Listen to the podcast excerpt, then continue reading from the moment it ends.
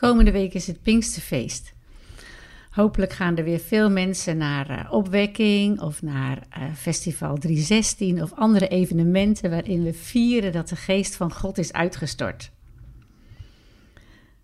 In Handelingen 2 staat: Allen werden vervuld van de Heilige Geest en begonnen op luide toon te spreken in vreemde talen, zoals hun door de Geest werd ingegeven. En dan hebben we het over tongentaal. En afgelopen week sprak ik een paar mensen die zeiden van... jij geeft toch wel eens seminars over tongentaal? Ik zei, ja, dat klopt. En ze vroegen van, nou, waarom doe je dat eigenlijk? En ik vertelde, dat is eigenlijk omdat ik zelf ontdekt heb... Ik kom van een achtergrond waarin ik er helemaal niet mee bekend was... maar waarin ik in mijn leven heb ontdekt dat het, de, het spreken in tongen eigenlijk zo'n enorm hulpmiddel is en zo'n um, zo heerlijk ontspannen om te kunnen doen. Terwijl er in het kerkelijk veld soms zo, zoveel ruis omheen is. En ik vind het heel fijn om iets van die ruis weg te halen. Nou, ik hoop dat me dat nu ook lukt.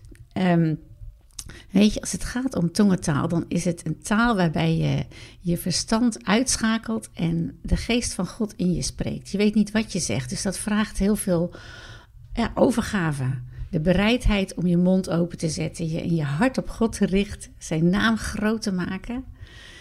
Ze zeggen ook wel eens bidden als woorden te, te kort schieten. Dus als je God gaat loven en prijzen en dan op een gegeven moment geen woorden meer hebt, dan kan dat overgaan in, in andere talen. Er zijn heel veel mensen die dat kennen, en ook een hoop mensen die daar eigenlijk verder in hun leven niet zoveel mee, mee doen, omdat ze dan wel een keer rare woorden uit hun mond hoorden komen, maar niet wisten wat het was en het dan maar weer laten voor wat het is.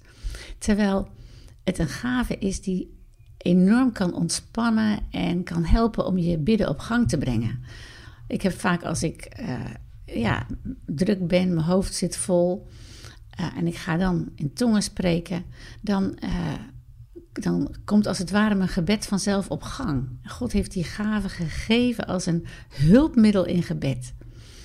En uh, eigenlijk betekent het dat je net als een kind die uh, ba ba ba zegt en gaat leren spreken en de moeder zegt ervan, ja kijk, het zegt mama ma.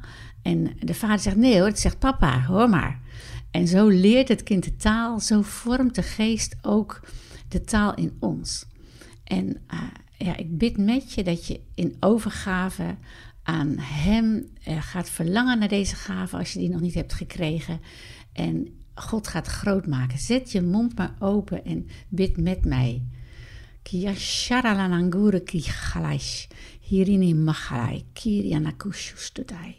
Heer, wij loven uw grote naam en we danken u dat u in alles voorziet wat we nodig hebben. Dank u voor de rijke oogst.